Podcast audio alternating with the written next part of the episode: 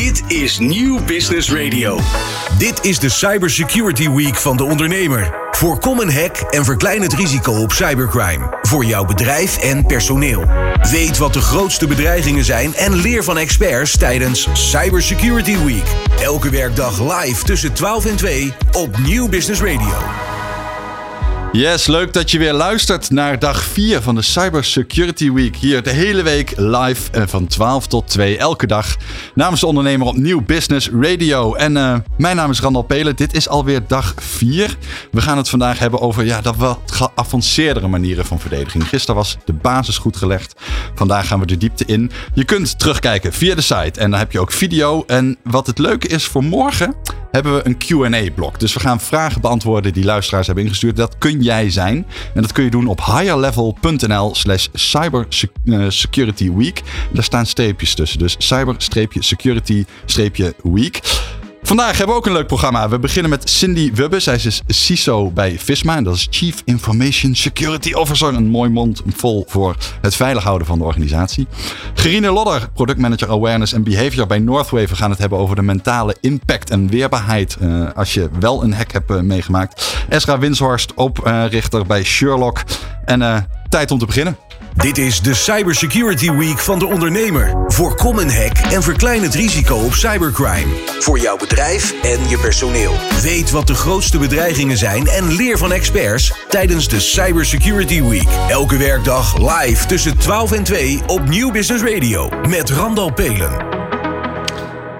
Nou, Cindy Webbe, daar zitten we dan. Ja. Welkom in de studio.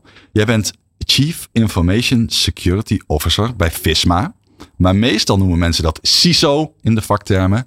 En dan ben ik heel benieuwd, wat doet een CISO volgens jou? Volgens mij, ja. nou ja, een CISO is um, verantwoordelijk voor de informatiebeveiliging.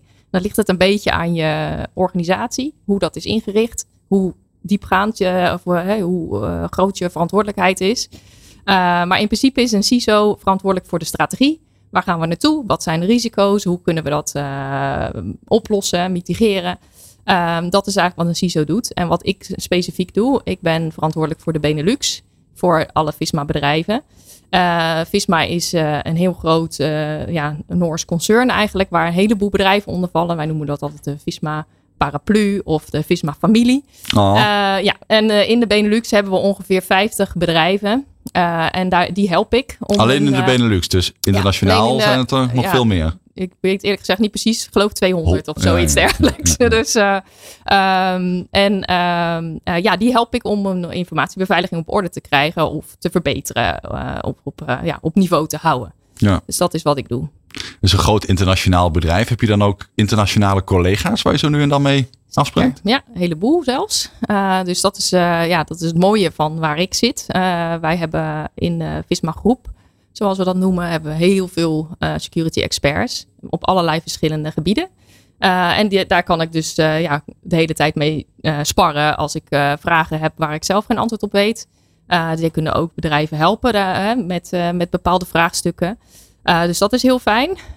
en natuurlijk ook in de bedrijven zelf. Elk bedrijf heeft een eigen informatiebeveiliger. dus, dus die, daar, daar spar ik mee. Of, daar hebben wij contact mee. om hun ja, niveau te verbeteren. Ja. Uh, je hebt al verteld dat uh, Visma een grote internationale organisatie is. Waar moet je bij uh, Visma aan denken, aan diensten? ja, we hebben eigenlijk van alles en nog wat. Maar we, we, we zijn vooral gericht ook op het MKB. We hebben ook andere producten. Maar we hebben heel veel bedrijfskritische software voor, voor MKB'ers. Um, en dat zit in allerlei markten. Dus wij doen ook voor de overheid hebben wij producten. Maar we hebben ook heel veel in de accountancywereld of in zorg. En ik hoorde je vooral software zeggen. Ja, het is alleen software. Alleen software. Ja. ja. Nou, dan is er ook een boel te beveiligen natuurlijk. Uh, ja, zeker. daar, daar, hebben wij ook heel veel aandacht voor. Uh, en daarom hebben wij ook een heel uitgebreid security programma daarvoor ontwikkeld. En uh, ja, daar ben ik zelf eigenlijk wel heel erg trots op. En ik niet alleen, maar een heleboel van mijn collega's zijn daar heel trots op hoe wij dat doen. Je begint ook te glunderen, wat heerlijk. Ja, ja.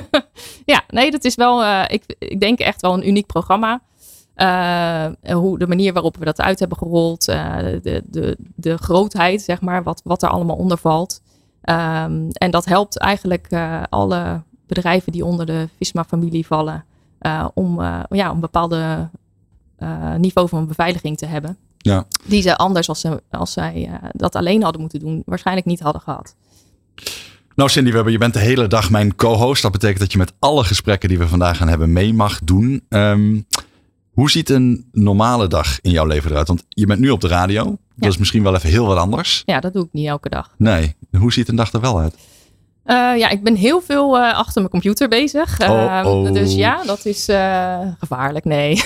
ja, moet je af en toe even. ja, dat. dus dat. maar goed, ik ga ook wel veel naar. naar ik kan ook naar bedrijven toe natuurlijk. Dus in, in Nederland. ja, ik kan bij elk kantoor eigenlijk gaan werken. Dus um, en ja, heel veel overleggen eigenlijk met, met alle security officers, zo noemen wij ze. Dus de verantwoordelijke voor security in, in de bedrijven. Ja, want sorry, jij um, zegt security officers. Ja. En jij bent de chief ja. information security officer. Ja. Maar heeft dat woord informatie nog een speciale betekenis ja, in de context? Het, een beetje. in principe is, we hebben het over het beveiligen van de informatie. Dus dat is op zich uh, nog wel belangrijk. Hè? Wat, wat, wat, ben, wat, zijn wij nou eigenlijk aan het beveiligen? Want als je Mhm. alleen security zegt, dan kan dat ook uh, de pand zijn. Uh, Ja, een inbraak. weet ik veel, dat Ja, soort dingen. Ja, ja. En daar heeft het natuurlijk wel deels mee te maken. Maar we hebben het eigenlijk voornamelijk over de beveiliging van de informatie. Dus ja, dat heeft er wel mee te maken. Hoe lang doe je dit werk nu? Uh, nu specifiek in deze rol twee jaar. Mhm. Maar ik doe inmiddels, ik ben al vijf, ruim 15 jaar zit ik in de informatiebeveiliging. Ja. Kun je iets vertellen over de evolutie van dreigingen die je in die periode hebt gezien? Uh, nou ja, het sowieso zeg maar de, de manier hoe er naar wordt gekeken is heel erg veranderd. Toen ik begon uh, was het vooral, was het, begon het eigenlijk als een IT-feestje. Dus het was alle, alle maatregelen zaten bij de IT-afdeling.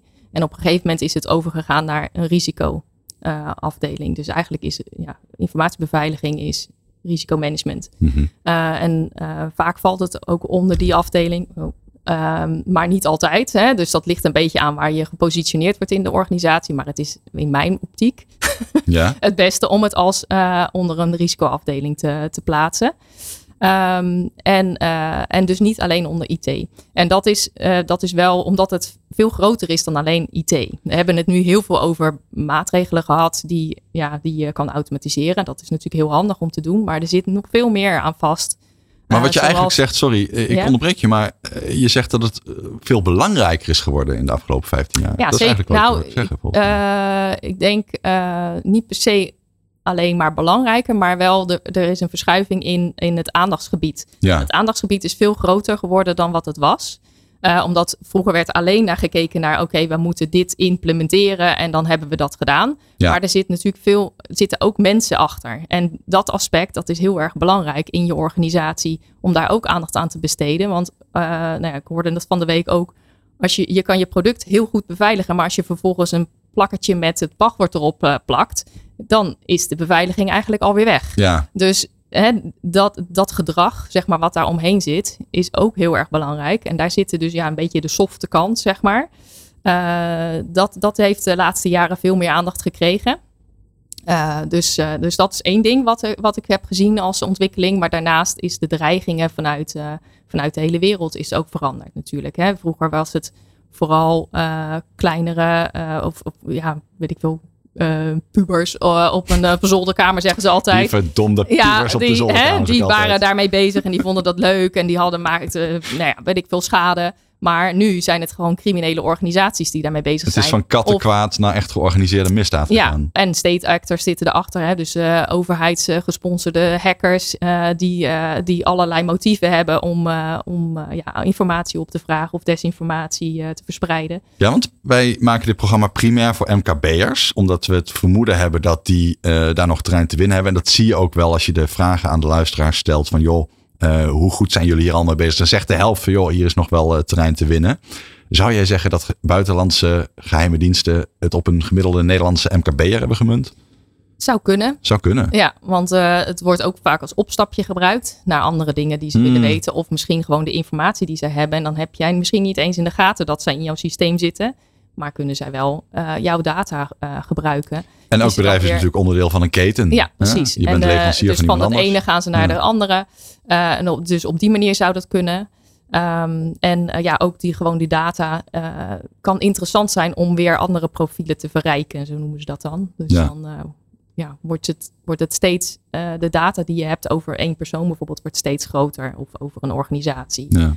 ja, de trend die je noemt vind ik ook wel interessant. Je zegt eigenlijk, ik werk bij Visma. Er zijn een heleboel vestigingen en uh, misschien nog wel meer bedrijfjes.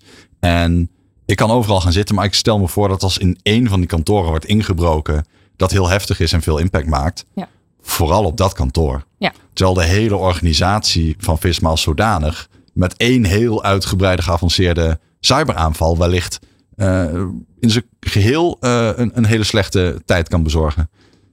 Ja. Dus, dus cyberaanvallen zijn gevaarlijker dan ouderwetse inbraken. Oh, zo manier. Ja, ja. ik dacht dat je met inbraak en nee. cyberinbraak bedoelde. Maar uh, nee, sorry, inderdaad. Ja, dat had gekund. dat nee, ga je al. Ja. Klopt, ja, klopt. Dus, uh, maar goed, ook, ook als het een cyberaanval is op één kantoor, dan, uh, dan ja, kan dat natuurlijk ook gevolgen hebben voor de rest van de organisaties. Ja. al is het alleen maar reputatieschade. Ja. Hey, we gaan het de rest van de dag uitgebreid hebben over de mentale impact van een cybercrime aanval en uh, de weerbaarheid daartegen. We gaan het ook hebben over hoe je gaat proberen die e-mail hackers buiten de deur te houden, phishing tegen te gaan. Stel, een van jouw bedrijven, een van die 50 waar je je CISO van bent, krijgt zelf te maken met een ransomware aanval. Wat doe jij dan?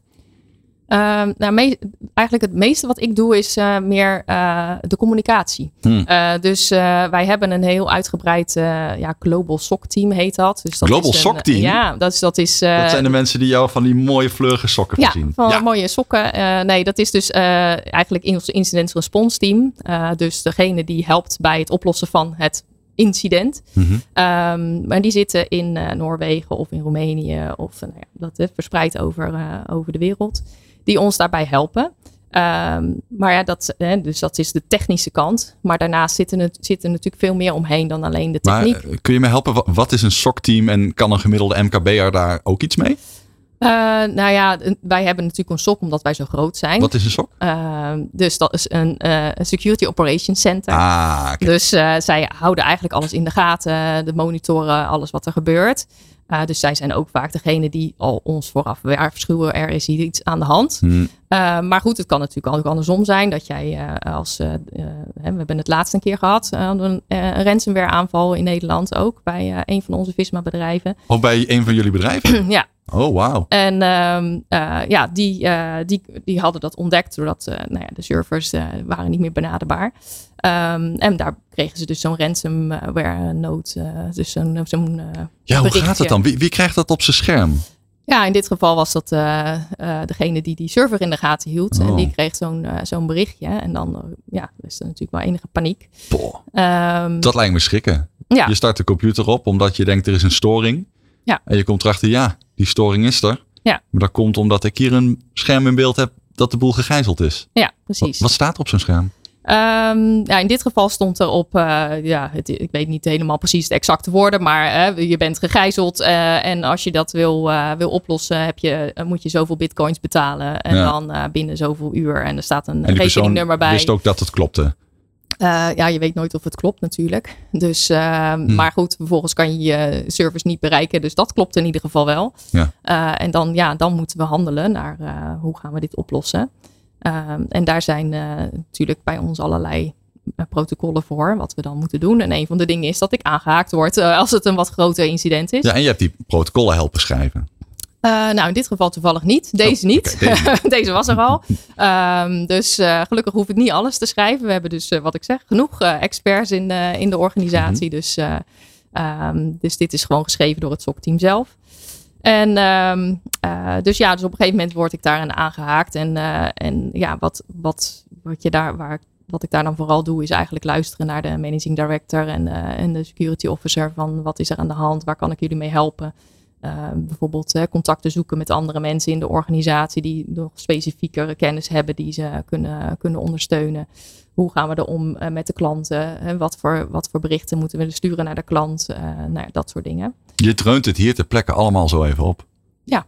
Ja, nee, maar dat is dus een, een, een ja, ik weet niet, de, de les die ik hier leer, is dat je dus goed voorbereid wil zijn. Je, je kunt gewoon verzinnen, wat ga je doen? Ja, precies. Dat is denk ik, vind ik zelf ook wel heel belangrijk. Um, bedenk van tevoren. Je weet eigenlijk al, hè, dat, uh, dat is zo'n irritant gezegde van uh, je weet niet uh, wanneer, maar je weet wel dat het gebeurt, zeg maar. dus je weet eigenlijk van iedereen wordt een keer gehackt. Hè. Er gaat daar gewoon van uit en, en, en bedenk dan van oké, wat moet ik dan doen?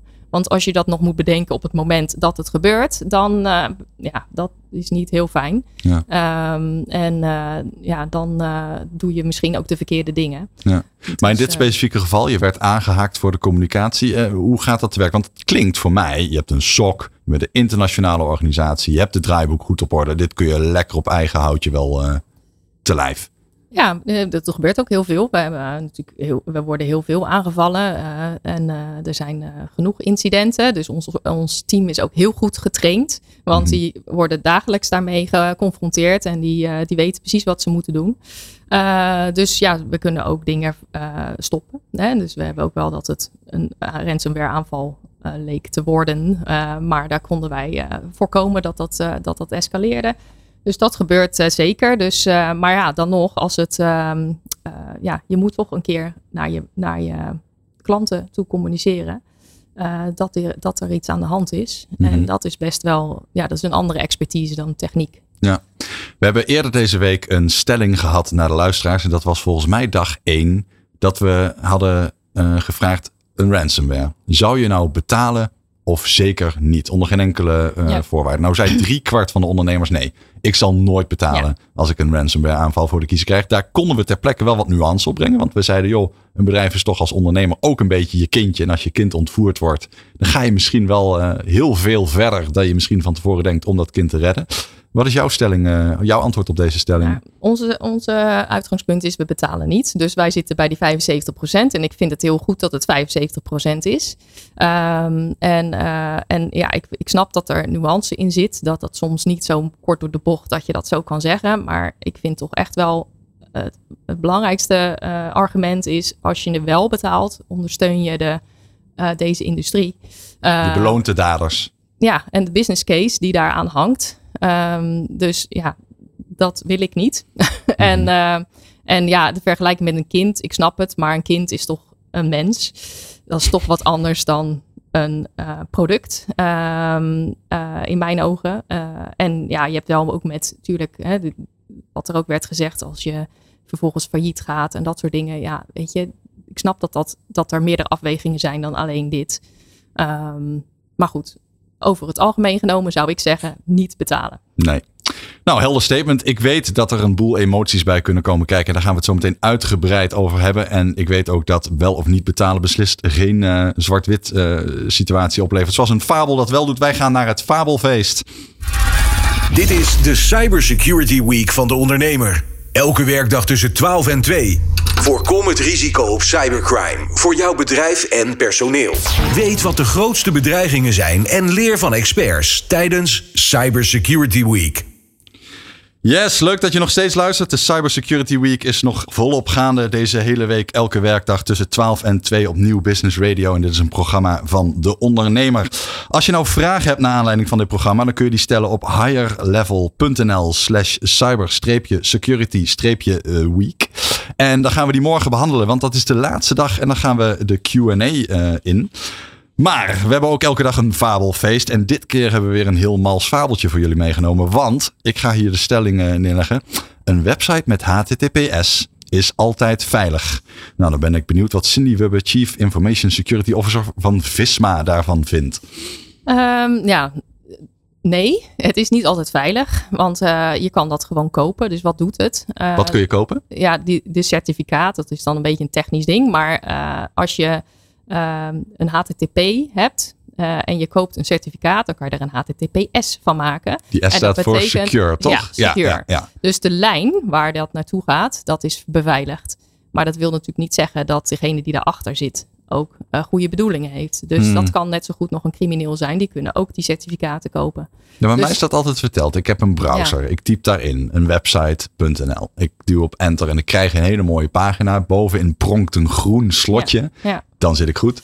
Ja, dat zou ik graag willen dat dat zo is, inderdaad. Uh, want je moet ergens vanuit kunnen gaan. Maar uh, kijk dan ook toch nog even heel goed naar het de naam van, van waar je naartoe gaat. Hmm. Uh, dus als het slotje is met ing.nl bijvoorbeeld, dan, ja, dan klopt het wel. Hè? Dan, is het, dan zit je op de ING-site.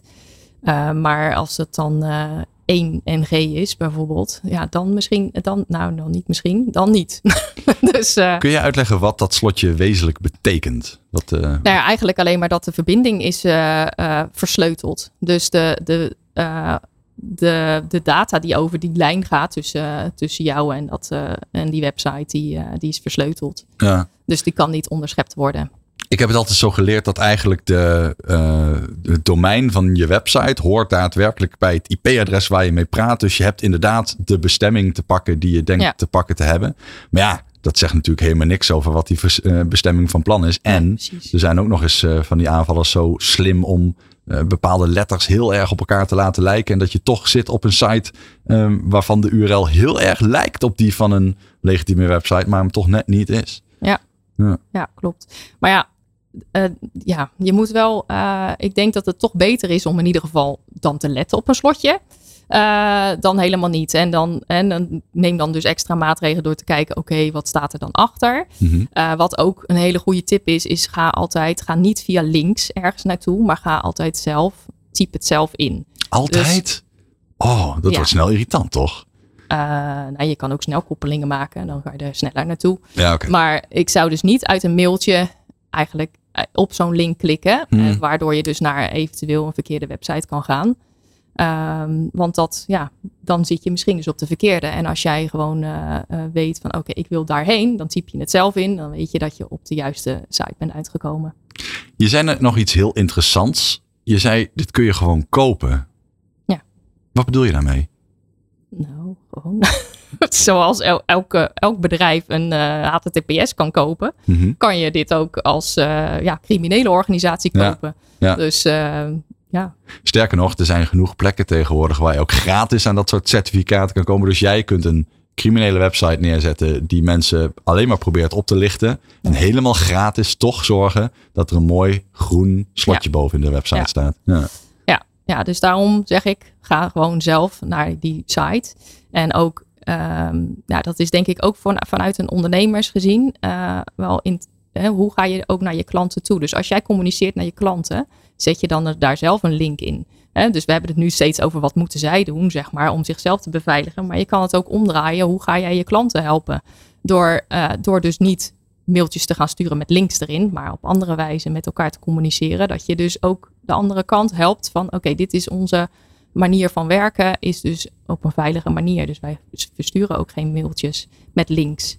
Ja. Uh, dat kan ook al helpen. Hè? Dus als we met elkaar dit soort dingen afspreken, dan, uh, ja, dan wordt het ook alweer moeilijker. Nou, je hoort het. Een website met HTTPS hoeft niet altijd veilig te zijn. Een groen slotje betekent vooral dat je inderdaad op de site bent waar je denkt te zijn, maar niks over wat die site met jou van plan is. Ik uh, vind het een mooi moment om door te pakken. We gaan het zo meteen hebben over mentale impact en weerbaarheid. De ondernemer presenteert de Cyber Security Week. Deze hele week elke werkdag tussen 12 en 2. Live met Randal Pelen op Nieuw Business Radio. Yes, leuk dat je nog steeds luistert. We zijn de hele week live van 12 tot 2 op Nieuw Business Radio met de Cyber Security Week van de ondernemer. Ik ben Randal Pelen en we gaan het vandaag hebben over mentale impact en weerbaarheid. Ik heb hier Gerine Lodder voor mij zitten en natuurlijk nog steeds uh, zit Cindy ook nog bij mij. Um, maar Gerine die is Product Manager Awareness and Behavior bij Northwave. Ja, dat en dat klopt. is een mooie mond vol. Het eerste waar ik nieuwsgierig naar ben, wat doet Northwave? Uh, Noordwave is een cybersecurity bedrijf en wij doen eigenlijk alles wat te maken heeft uh, met cybersecurity. Dus we houden ons bezig met processen, hè, de, bijvoorbeeld audits van bedrijven om te kijken of ze voldoen aan de normen. We adviseren daarin en we kunnen dat ook overnemen. Uh, we houden ons bezig met wat we bytes noemen, dus de Bytes. techniek. Ja, dus ja, ja, ja, ja. ja, we hebben bijvoorbeeld hackers in dienst die proberen om bedrijven te hacken om te kijken hoe ze hun beveiliging kunnen verbeteren. Uh, we hebben ook security monitoring, hè, daar had jij het net ook over, een SOC, uh, waarbij we dat kunnen overnemen van bedrijven. En we worden ingevlogen op het moment dat er ergens een hack is gebeurd. En dan hebben een derde tak, dat is behavior, gedrag, en daar werk ik. En uh, wij houden ons eigenlijk bezig met alles wat de menselijke kant van cyberveilig gedrag is. Ja, we hebben het hele week eigenlijk al over inderdaad het voorkomen en het genezen van aanvallen, maar nog niet over uh, het stukje gedrag. Nee. Um, en we gaan het zo meteen ook hebben over mentale impact. Um, hoe ziet jouw werk eruit?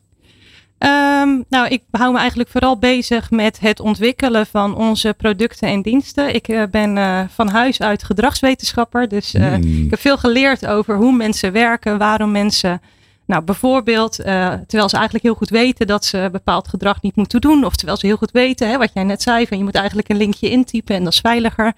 Toch doen mensen dat niet altijd. En mm. uh, mijn werk gaat erom, nou, hoe kunnen we mensen nou helpen om, ja, terwijl ze het eigenlijk al hartstikke druk hebben, heel veel andere dingen aan hun hoofd hebben. Hoe kunnen we het dan zo makkelijk mogelijk maken voor mensen om zich veilig te gedragen? Zodat de kans op een uh, hack of een aanval zo klein mogelijk wordt. Nou, Gerine, hoe kun je mensen helpen ja. om zo makkelijk mogelijk zich zo te gedragen dat de kans ja. op een hack zo klein mogelijk wordt? Ja, die vraag had ik kunnen verwachten.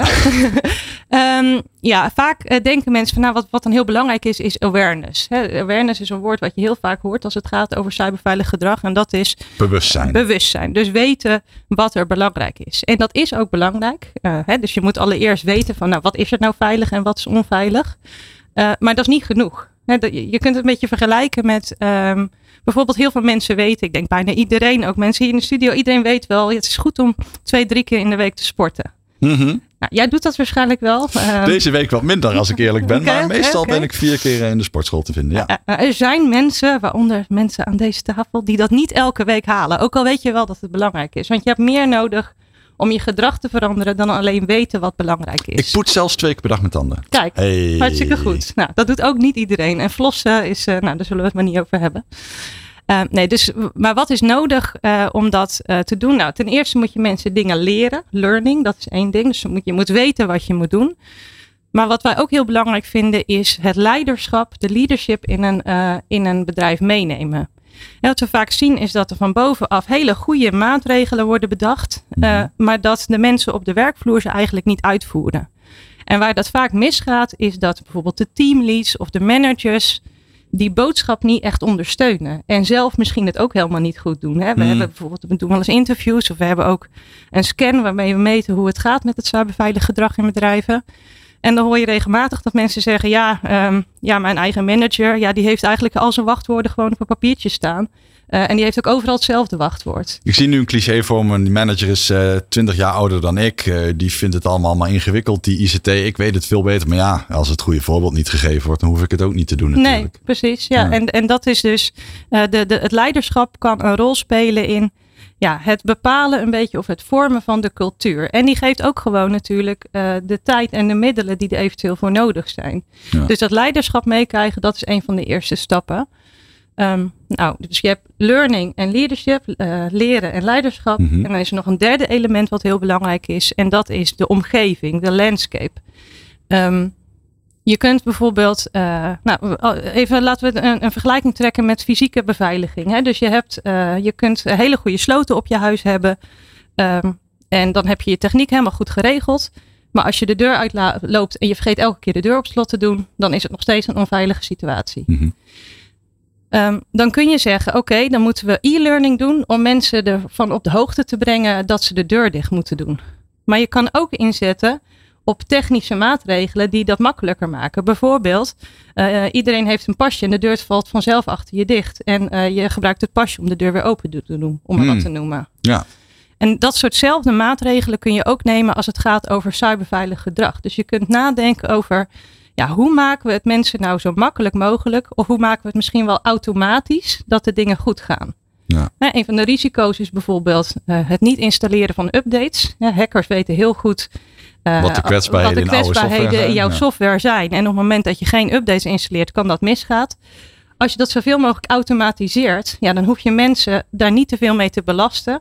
En dan hoef je jouw mensen hoeven zich alleen maar bezig te houden met die dingen waarbij de mensen ook echt nodig zijn. Ja. Nou, en als je dan ook nog je leiderschap mee hebt en je hebt goede manieren om te leren en te oefenen met je op een goede manier te gedragen, ja, dan krijg je best wel wat voor elkaar. Maar ja, je zou willen dat het heel makkelijk was en dat je zou zeggen, nou hier heb je twee magische dingen en als je die doet ben je klaar.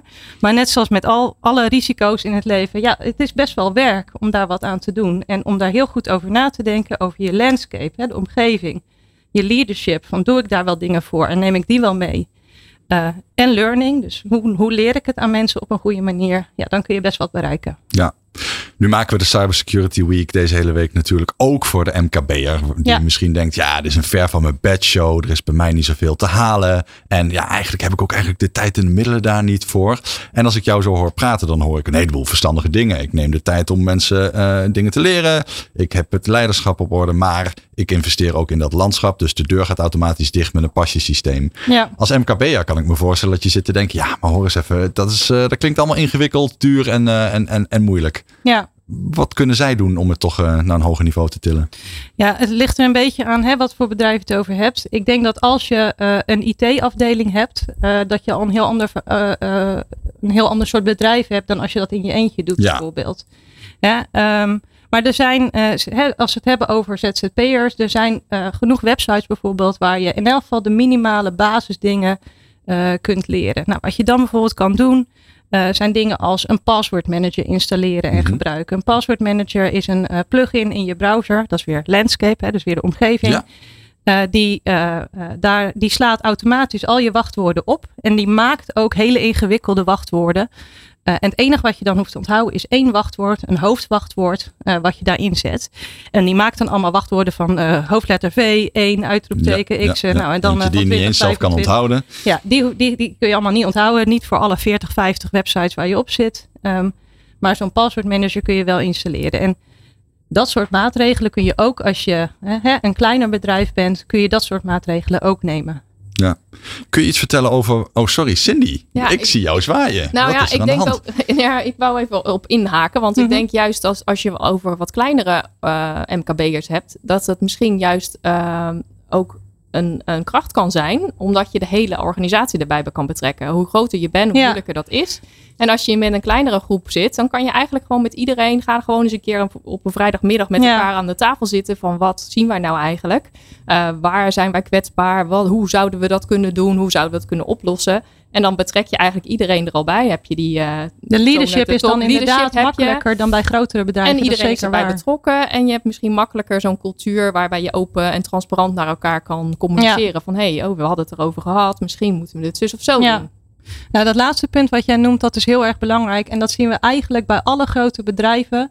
Dat dat ook eigenlijk een van de grootste risico's is. Open communiceren, het toegeven als je fouten hebt gemaakt. Hè? Want net zoals jij noemde net, uh, het gaat er niet om of je een keer gehackt wordt, maar wanneer.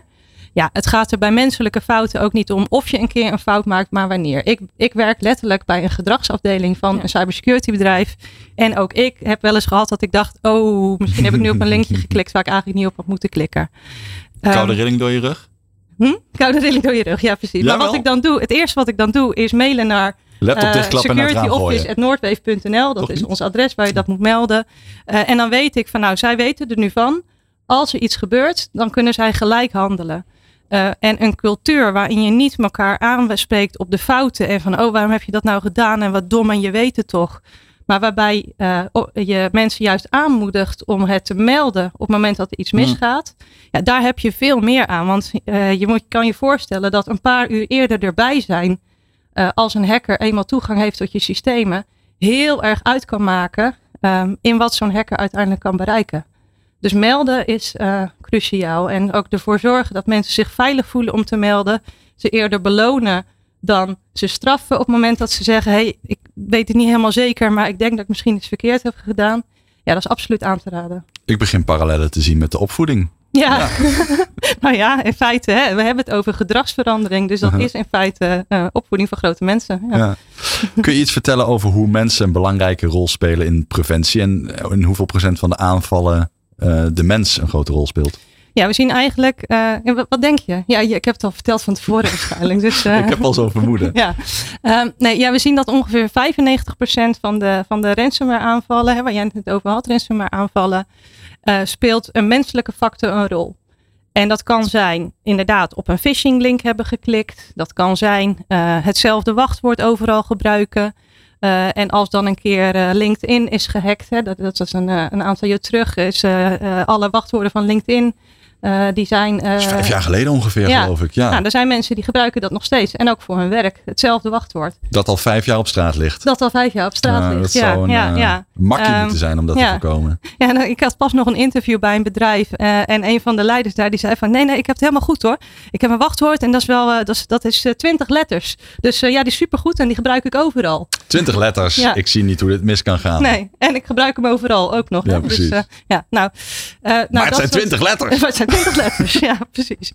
Ehm, ja, nou, dat soort fouten. Het niet, het niet updaten waar we het net al over hadden. Ehm, eh, eh, ja, eigenlijk altijd als hackers ergens binnen weten te komen, is er één van die dingen wel die ze, waar ze misbruik van kunnen maken. Ja. Ehm, dus ja, dat betekent dat eh, de mensen zwakste schakel kan zijn. Maar op het moment dat je je mensen eh, traint, meeneemt, het leiderschap aanzet, het zo makkelijk mogelijk maakt voor je mensen eh, en een omgeving creëert waarin mensen ja, proberen zich daar bewust van te zijn. En ook als ze denken, "Hm, misschien heb ik het fout gedaan, dat melden. Dan kan het ook juist een hele sterke schakel zijn eh, in je verdediging.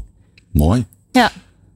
Grine, we weten allemaal dat die dag gaat komen waarop het bedrijf gehackt is. Eh, Cindy, eh, we hebben die vertelde het net ook al. Je kunt goed voorbereid zijn, de draaiboeken gaan open en je gaat er tegenaan. Ja. Nu kun je, als je gek bent, onder andere Northwave bellen. Er zijn een Ja. heleboel bedrijven die dat doen, maar jullie komen dan ook met alle toeters en bellen aanrijden. Met een incident response team. Yes. Hoe ziet zo'n dag eruit? Eh, als wij gebeld worden, bedoel je? Mhm. Of, eh, eh, nou, dan hebben we eerst contact met, me- met de klant om te kijken wat er gebeurd is. Hè, wat heb je gedaan? Wat, zit, wat zit er nog aangesloten op het netwerk? Wat niet? Ehm, heb je een ransom note gevonden? Hè, dus een bericht gevonden van een hacker waarin ze vragen om geld omdat ze al je spullen versleuteld hebben of niet? Eh, en zodra we daar zicht op hebben, gaan we die kant op. Ehm, en dan beginnen we eigenlijk Maar met... letterlijk eh, die kant op. Je stapt in de auto. Ja. Oké. ja, we stappen in de auto en eh, eh, ja, we, we gaan daar naartoe. Hoe groot kan zo'n team zijn? Eh, ligt een beetje aan wat er nodig is. Eh, soms komt er maar één iemand als het eh, nou, heel klein is en relatief eenvoudig. Eh, maar we hebben ook incidenten waarbij we met twintig man eh, uitrukken. Dus eh, dat zijn wel de iets grotere klanten. Mhm. Dus bij het M- gemiddelde MKB zal dat, zullen dat geen twintig mensen zijn. Dus dat ligt er heel erg aan hoe complex de situatie is. Nou, daar gaan we werken aan. Ja, proberen te achterhalen. Ten eerste proberen te voorkomen dat ze verder in de systemen komen. Dat, is, ja. stap één. Ehm, Maar je bent al helemaal plat. Ja. Die ransom note staat al op je scherm. Dat Ja. betekent je bent gehackt. We hebben je bij de lurven. Ja. En je moet gaan betalen. Ja, precies. Nou, we, we gaan eigenlijk aan vier dingen werken. We gaan werken aan proberen te achterhalen hoe ze zijn binnengekomen en ze weer buiten proberen te krijgen. Mhm. We gaan werken aan je systemen weer opbouwen op een veilige manier. Eh, we gaan werken aan contact met de threat actor, eh, eh, die, die, die de, dus de, de hacker die, die de eisen stelt. Mhm. En we gaan werken aan de mentale impact van zo'n aanval. Nou, daar zou ik graag zo meteen met je verder inzoomen. Want we hebben de hele week al beloofd. Mentale impact en Ja. weerbaarheid Ja, is ja. ook een dingetje. Maar gaat er eens een vogelvlucht doorheen? Hoe zijn ze binnengekomen? Hoe bouw je de boel weer op? En eh, leg contact met de daders. Ja, dat is natuurlijk enorm verschillend van aanval tot aanval. Eh, maar eh, nou, ze gaan, onze technische jongens gaan pluizen in de systemen. Eh, en die gaan eh, ja, eigenlijk alle, hè, als, een, als een soort van, eh, eh, van, van, van, van Detective, politie, ja. detective, gaan ze do- door zo'n netwerk heen. En dan zien ze, hey, op dit tijdstip is er veel meer data verschoven dan normaal gesproken. Hm, misschien is daar wel wat aan de hand. Maar waarom is dat het eerste waar je naar kijkt? Ik zou zeggen instinctief. Het allereerste wat ik wil is dat het weer is opgelost. Maar Ja, maar als alles dicht zit, kun je het niet altijd direct oplossen. Hè? Dus inderdaad, op het moment dat je zou zeggen, nou, ik betaal gelijk en ik betaal ook precies het bedrag wat ze vragen, kun je het meestal relatief snel oplossen. Eh, niet maar, iedereen wil Cindy dat. Webber zegt net Eh, dat we dat zeker nooit moeten doen. Ja, maar daar, daar zijn we het niet helemaal over eens ook, denk ik. In sommige gevallen, hè, we hebben ook wel eens bijvoorbeeld familiebedrijven die al generaties lang bezig zijn eh, met hun product. Eh, alles is versleuteld, alle data is gestolen eh, en er wordt gedreigd op het moment dat jij niet eh, betaalt. Dan gaan wij de paspoorten van al je medewerkers op straat gooien. Eh, je geheime recept waar je al heel lang mee werkt, nou, dat komt ook op straat. Ehm, we gaan eh, contact opnemen met al je klanten. Ehm, en ja, en je, krijgt, je kunt nooit meer bij je spullen. Auwie. Ja, precies. In zo'n geval kan ik me best voorstellen dat een bedrijf overweegt om toch te betalen. En we hebben ook bijvoorbeeld, er zijn aan de andere kant ziekenhuizen die gehackt worden. Ja. Eh, patiëntgegevens kunnen op straat komen liggen en de zorg kan niet doorgaan. eh, zolang, er niet, uh, zolang de systemen niet weer in werking zijn, ja, dan, dan heb je wel uh, een hele moeilijke keuze te maken. Dus jij noemde net al van ja, het is niet altijd zwart-wit. Uh, het liefst willen we natuurlijk dat ze zo, zo min mogelijk krijgen en bij voorkeur nog een schop na, zeg maar. Mm -hmm. maar um, ja, bedrijven moeten voor zichzelf die afweging maken. En soms is het voor een bedrijf kan het als een onvermijdelijk te voelen om toch ja. te betalen. Oké, okay, doe even de aanname voor het gemak dat er een ransomware aanval is. Het bedrijf is redelijk groot. De omzet uh, die doet ertoe. En we weten ongeveer hoe ze binnen zijn gekomen. We gaan beginnen opbouwen. Ja. Is dat uh, makkelijk? Uh, nee, dat is een hele operatie en er zijn ook heel veel mensen bij betrokken. gemiddeld, gemiddeld zijn mensen 23 dagen bezig. Ja, als het echt gewoon, als ze in de systemen doordrongen gemiddeld? zijn. Dus het is soms veel langer? Het is soms veel langer, ja, dat klopt. Werkdagen ja. of gaan we in het weekend door? We gaan zeker in het weekend door okay. en we gaan s'avonds door. En uh, nou, dat is ook een van de redenen waarom die mentale impact ook zo belangrijk is. Hè? Want je moet je voorstellen, uh, ik, ik, ben zelf, ik ga zelf ook wel eens mee. Je, je begint om een uur of half acht ochtends. Uh, nou, de, de dag op start. We gaan bekijken wat we vandaag allemaal aan gaan werken. je gaat door tot, nou, als je geluk hebt, een uur of acht. En als je pech hebt, een uur of elf. Uh, en dat dan dagen en dagen en dagen. Ik denk dat jij heel gezellig bent voor je sociale omgeving. Die hebben soms zoiets van. Grine, waar ben je? Je ja, van de aardbodem verdwenen. Ja. Of valt het wel mee? Uh, ja, nee, inderdaad. En uh, ja, onze technische jongens die draaien ook. die, die hebben gewoon weken waarin ze weten van. Nou, in die weken maak ik ook geen afspraken of zo. Want als er dan wat gebeurt, nou, dan kan ik gelijk daar naartoe. Mm -hmm. um, maar ja, wij zijn eraan gewend mensen die daar werken zijn over het algemeen niet aangewend. En dat zijn uh, niet alleen de IT'ers die daar hele dagen mee bezig zijn. Uh, die zich ook schuldig voelen. Want misschien hadden ze hmm. uh, toch die ene beveiligingsmaatregel ja. wel door moeten zetten. En ja, dat hebben we niet gedaan. En als we daar nou meer op gepusht hmm. hadden, dan weet je wel. dat, maar dat is ook de communicatieafdeling. Dat zijn de mensen die telefoontjes krijgen van klanten die zeggen. wanneer krijg ik mijn bestelling? Wanneer krijg ik mijn bestelling? Um, dat zijn leveranciers die voor de poort staan met een vrachtwagen waar niemand wat van weet. Want het systeem ligt eruit. Dus we wisten niet dat ze kwamen. We horen de bel uh, niet eens maar meer op, We horen de bel ja. niet meer overgaan, want die zit ook op het systeem. Ja, nou dat. Uh, dus eigenlijk heel veel mensen in zo'n bedrijf uh, zijn ja, bijna 24 uur per dag met enkele uren slaap daarbij bezig om, om dat op te lossen. Uh, en meestal hè, na een dag of acht uh, hebben we een soort van basale systemen wel weer aan de gang. Soms is dat zelfs een stuk sneller, het kan zelfs in een weekend. Ja, echt heel erg situatieafhankelijk. Mm -hmm. Maar je bent ook bezig daarna met het weer veiliger inrichten van je systemen. Uh, je bent ook bezig met het afhandelen van de klap die er geweest is. met je reputatieschade, met alle dingen die daarbij komen kijken.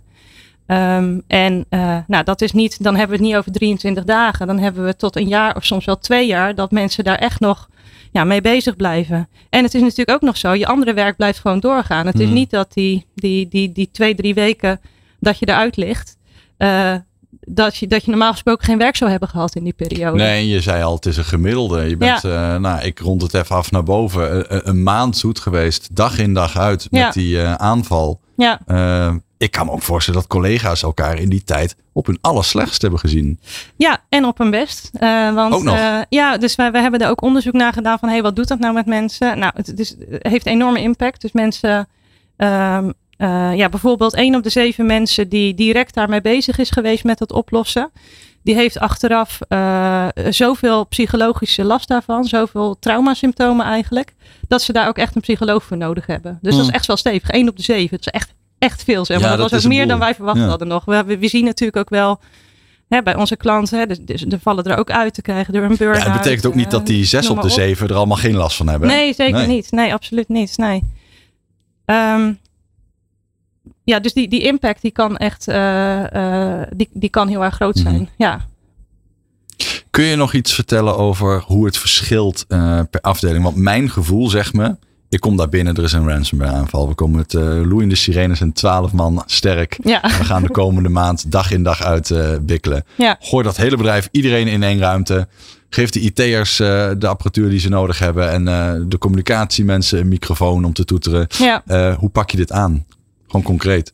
Uh, nou ja, dat begint vaak met uh, elke dag hebben we een, start-up meeting waarin we gaan kijken van hey, welke dingen gaan we vandaag aan werken, welke servers moeten er uh, gewassen worden. Gewassen? gewassen, ja. Dus, ja, dus de, de, de, ik ben geen techneut, maar daar kan ik ook mee helpen. Dus dat is een van de weinige dingen die ik dan ook kan, zeg maar aan de technische kant. Dus dat is, ja, we gaan voor alle servers bekijken, zitten ze erin?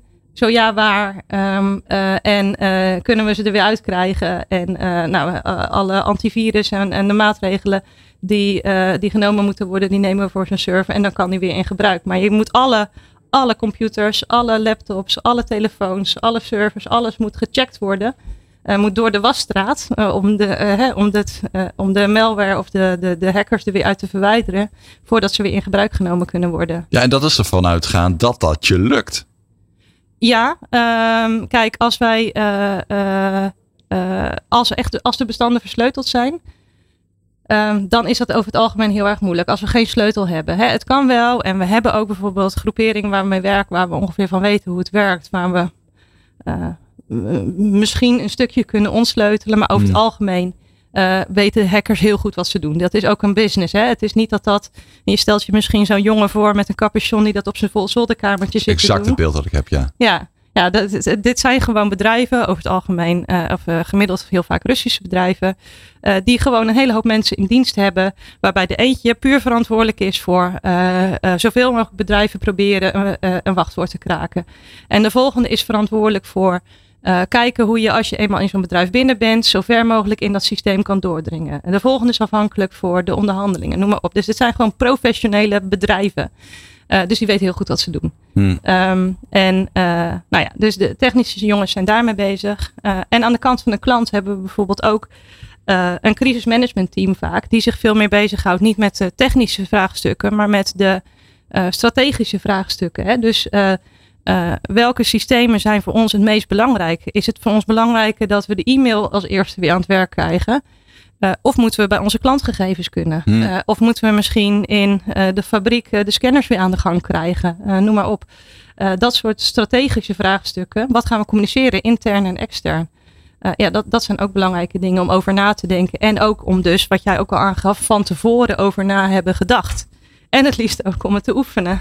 dat, dat, dat, wij doen ook vaak uh, ja, tabletop exercises of live exercises, waarbij we net doen alsof een bedrijf gehackt wordt. Oh jee. Um, en nou, de schermen gaan letterlijk op zwart. Um, en uh, uh, nou, dan moeten ze het opzien te lossen, zeg maar. Maar dat klinkt als een heel theoretisch rollenspel. Daar trapt toch niemand in? Nou, ik kan je vertellen, zelfs bij de tabletop oefeningen, dus waarbij we niet eens computer op zwart schermen, maar waar we gewoon een groot scherm in de kamer hebben, waarop komt nu, komt, nu gebeurt er dit en nu gebeurt er dit en nu gebeurt er dit. Uh, mensen raken daar waanzinnig gestrest van. Echt? Ik uh, was pas bij een oefening. Uh, ik heb gekeken op uh, de, het temperatuurdingetje van de kamer toen ik binnenkwam. Toen was het 20,4. na anderhalf uur was het 25,6. Gewoon mensen waren zo hard ja, bezig, zo gestrest, zo uh, aan het zweten en aan het doen dat de temperatuur in de kamer letterlijk uh, enorm omhoog ging. Cindy, jij zit te glinsteren. Wat, herken jij dit? Ja, ja, zeker. Ja. Ik heb dat ook al, uh, we hebben dat ook geoefend, maar ook in echte situaties ja. inderdaad. En dan, dan denk je, nou, we hebben toch wel een heel goed plan, maar ja. we gaan allemaal iets anders doen. Ja. en daarom is het zo, volgens mij echt super belangrijk om dat te oefenen. Ja, precies. omdat je dan toch die stress een beetje nou ja, al heb ervaren en dan weet wat je dan, uh, ja, hoe je daarop reageert eigenlijk. Uh, ja. ja, en je kan duizend plannen maken, maar je zal net zien, scenario 1001 ja. is het scenario wat er gebeurt. Dus waar, dat, dat, oefenen is cruciaal, omdat je daarmee leert een soort van gecoördineerd te improviseren. Je leert van, oké, welke systemen gaan we gebruiken? Hoe praten we met elkaar? Hoe vaak? Wie neemt de beslissingen? Klinkt als een militaire operatie. Het, het, nou, sterker nog, heel veel van de mensen die in mijn team werken zijn ex-militairen. Echt waar? Ja, omdat die uh, gewoon heel goed zijn in dit soort orde uh, in een chaotische uh, crisissituatie brengen. Het is ook een crisissituatie, zo'n hack. Mm -hmm. dus ja, het is inderdaad een militaire operatie waarin je wel ook flexibel moet zijn. En je noemde net al even het woord resilience. Weerbaarheid. weerbaarheid, resilience dat gaat ook over uh, je kunnen aanpassen aan verandering en flexibel genoeg zijn om mee te veren waar nodig en weer terug te kunnen veren. En dat, dat leer je niet door een plan te schrijven. Een plan is stap één, maar dat moet je ook oefenen. En dat is wel heel uh, cruciaal. Ja. ja. ik vond het net heel interessant toen je zei dat IT'ers op het moment dat er een hack heeft plaatsgevonden, ook wel geconfronteerd kunnen worden met schaamte. Ja, absoluut. Kun je iets vertellen over de emoties die door zo'n bedrijf gonzen op zo'n moment? Ja, zeker. Ja, um, uh, we zien heel veel negatieve emoties. We zien uh, ja, dat mensen zich schamen of zich schuldig voelen over wat ze niet gedaan hebben. Dat ze zich letterlijk schuldig voelen als ze al om, om, om zeven uur s ochtends uh, begonnen zijn. Dat ze om elf uur naar huis gaan om te slapen. Want het is nog niet opgelost. En als ik dit niet fix, dan zijn al mijn collega's hun mm. werk kwijt. En uh, ik moet hier wat mee. En die, die stress en die schaamte, die is echt heel erg groot uh, bij zo'n incident. En veel groter ook dan. Uh, we zagen dat al. Maar toen we het gemeten hadden, schrokken we echt van hoe, hoe, ja, hoe groot die impact eigenlijk is. Ja. ja, want als je om 11 uur naar huis gaat en je schaamt je op dat moment je collega's. zonder slaap kun je niet functioneren. Nee, het absoluut. lijkt me belangrijk en, dat er iemand is die zegt: joh, het is oké, okay, ga jij ja. nou maar. Ja, wij zeggen ook vaak, dat, uh, mensen benaderen het vaak als een sprint. Maar het oplossen van zo'n incident is geen sprint. Dat is een marathon. Van 23 dagen. Van 23 dagen gemiddeld. Uh, en misschien heb je geluk en is het korter. Maar zelfs, hè, ik, ik heb ook incidenten gehad waar ik drie dagen mee was. Als ik dit drie dagen achter elkaar doe, nou, dan moet ik daarna al, dan moet ik daarna al bijkomen hoor. Dat is echt intens. Dat, is, uh, dat, dat gaat heel, ja, dat gaat je niet in de koude kleren zitten. Maar je noemt schaamte. Ik stel me voor dat er ook woede is. Kwaadheid is er zeker. Um, um, ja, die is er ook. Woede naar de aanvallers, maar ook naar zichzelf gekeerd. Hè? Dus dat is zowel intern als extern. Um, en wat je bij sommige bedrijven ook ziet, en dat is bepaald niet behulpzaam, is dat er bijvoorbeeld vanuit die managementlaag of vanuit het leiderschap ook heel veel ja, kwaadheid eigenlijk naar het IT-team of naar het uh, security-team oh ja, hoe komt. ziet dat eruit? Ja, omdat ze zeggen, ja, jullie hebben dat niet goed gefixt. Waarom is dit niet, uh, waarom is dit niet, dit was jullie taak? Hè, dus wat een goed moment om dat aan te kaarten. Ja, dat, is echt, uh, dat, is echt, dat werkt heel, uh, heel, uh, heel, Nee, dat werkt dus niet optimaal op zo'n moment. Nee. Cindy, heb jij dat nooit meegemaakt? Want volgens mij ben jij de persoon die hier op het matje wordt geroepen op zo'n moment. Ja, nou, ik heb dat nooit meegemaakt, nee. Maar ik kan me het wel heel goed ja. voorstellen dat dat gebeurt uit emotie, inderdaad. Um, maar dat, ja, dat, is, ja. dat lijkt me echt vreselijk. daar heb je helemaal niks aan op dat moment. Nee, zeker. Nee. nee. Ja, we hebben ook heel veel interviews gedaan met bedrijven die gehackt waren, met de CISO's daar, maar ook met de IT-managers en noem maar op. Nou, niet voor niks. meer dan de helft van de mensen die we spraken werkten inmiddels niet meer in het bedrijf ja. dat gehackt was. Meer dan de helft? Ja. Dus dan ben je eigenlijk bijna al je bestanden kwijt. Als dat is opgelost, ben je de helft van je personeel kwijt. Ja, nou, we hebben, dit, we, hebben dat ook gemeten. Um, en we hebben het dus gemeten in de mensen die er nog werkten. Want, uh, nou ja, daar hebben we uh, een grote vraaglijststudie gedaan. Uh, en van de mensen die er nog werkten, was 20% van plan om van baan te wisselen. En dan hebben we dus nog niet eens de mensen die al vertrokken waren meegenomen, zeg maar. Dus die, ja, de, dus het, het heeft heel veel impact. En, en waarom is dat dan? Ja, waarom is dat? Ja, omdat je je, je, je bent in een, in een crisissituatie, in een stresssituatie die je nog nooit hebt meegemaakt. Je, maakt je, je voelt je schuldig. Je maakt je zorgen over je collega's. Je maakt je zorgen over of het wel goed komt. Uh, die impact. Uh, en je hebt slaaptekort. En over het algemeen eet je hele dagen pizza. Drink je Red Bull. En, uh, Klinkt als feest trouwens. Gaat ja. door. ja, ja, nou dat zijn dus wel dingen. Hè. Wij zijn dus ook bezig met mentale impact. Dit zijn dus dingen waarbij, waar wij, wij ons ook mee bezighouden. Van hoe kunnen we dit nou inrichten op een manier dat die, die schaamte en die schuld even ruimte krijgt, maar niet de boel te veel verstoort. Want dat, daar heeft niemand wat aan. Uh, kunnen we misschien in plaats van hele dagen pizza ook ervoor zorgen dat mensen gezonde dingen eten? Kunnen we misschien, uh, ook al is iedereen heel hard aan het werk, er toch voor zorgen dat iedereen even een half uurtje buiten gaat lopen? En dan denk je, even een half uurtje, whatever, tuurlijk kan dat.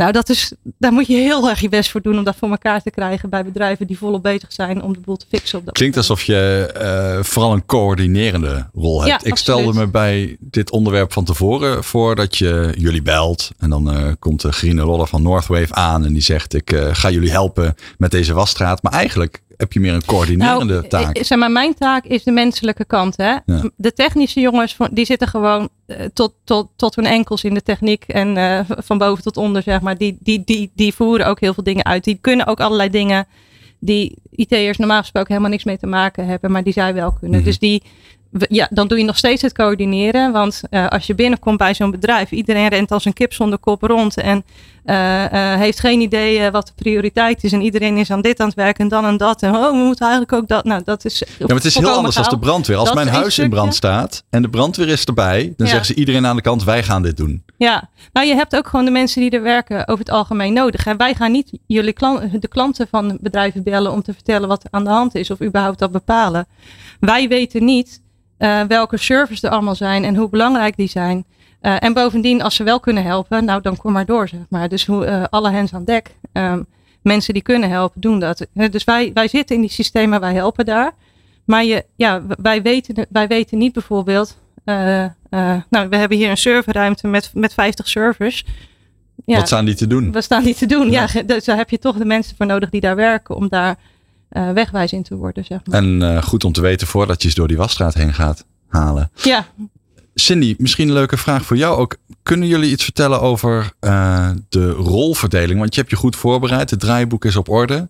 Um, het is wel goed dat iedereen weet wat diegene moet doen. En dat is misschien niet hetzelfde als je in het dagelijks leven bezighoudt. Nee, precies. Dat is ook inderdaad heel belangrijk. Want je kan zeg maar uh, een, een crisisteam bij elkaar roepen. Hè, of, of bedenken van tevoren. Van nou, dat is dus de managing director. En dat is die en die en die. En de communicatie. En, maar goed, die managing director is toevallig net op vakantie. Dus je moet ook nog bedenken van oké, hoe doen we het dan? Ja. En heeft hij dan ook de, uh, de mandaat om dan vervolgens actie te ondernemen? Mandaat? Ja, dus uh, de, hoe heet dat? Uh, Beslissingsbevoegdheid, ja. Om, ja. om vervolgens ook te doen zonder te overleggen met die manager. Um, om maar wat te noemen. Dus uh, dat soort dingen is ook heel goed om over na te denken. En, en, en dus van tevoren af te spreken. Zodat je daar dus niet op dat moment dan een, heel, uh, ja, een hele discussie over krijgt. Van wie mag dit nou eigenlijk bepalen? Hmm. Zou je die discussie kunnen hebben? Ik denk op dat dat moment, het verkeerde moment is. Ja, ja precies. Op dat Ik moment, denk dat iedereen naar de uh, directeur kijkt dan. Ja, precies. En dat die heel boos is en die zegt: joh, waarom was de boel niet op orde? En ga dit nou eens zo snel mogelijk ja, fixen. Dat, ik denk dat dat heel erg ligt Welk bedrijf ja, gaan we bellen om uh, de boel te komen helpen? Ja, gelukkig ik denk niet dat iedereen zo nee. reageert. Nee. nee. dus, uh, maar daar zullen er vast tussen zitten die dat wel doen. Nou ja, dan uh, ja, in die situatie, dan heb je waarschijnlijk ook niet geoefend. Uh, ja, dan moet je het op dat moment uh, zien op te lossen. Maar, uh, ja, en je moet ook echt duizenden beslissingen nemen. Ja. Hè? Het is niet uh, alleen maar beslissen of je wel of niet wil betalen. Maar uh, ja, duizend beslissingen over hoe we het nu op gaan lossen. Wat we eerst doen, wat we daarna doen, wat prioriteit heeft. Uh, ja. um, uh, welke kant we opgaan met de, de, de maatregelen die we nemen om de boel weer op orde te krijgen. Ja. noem maar op. Het is bijna tijd voor de hackdemo, maar ik heb nog één laatste vraag.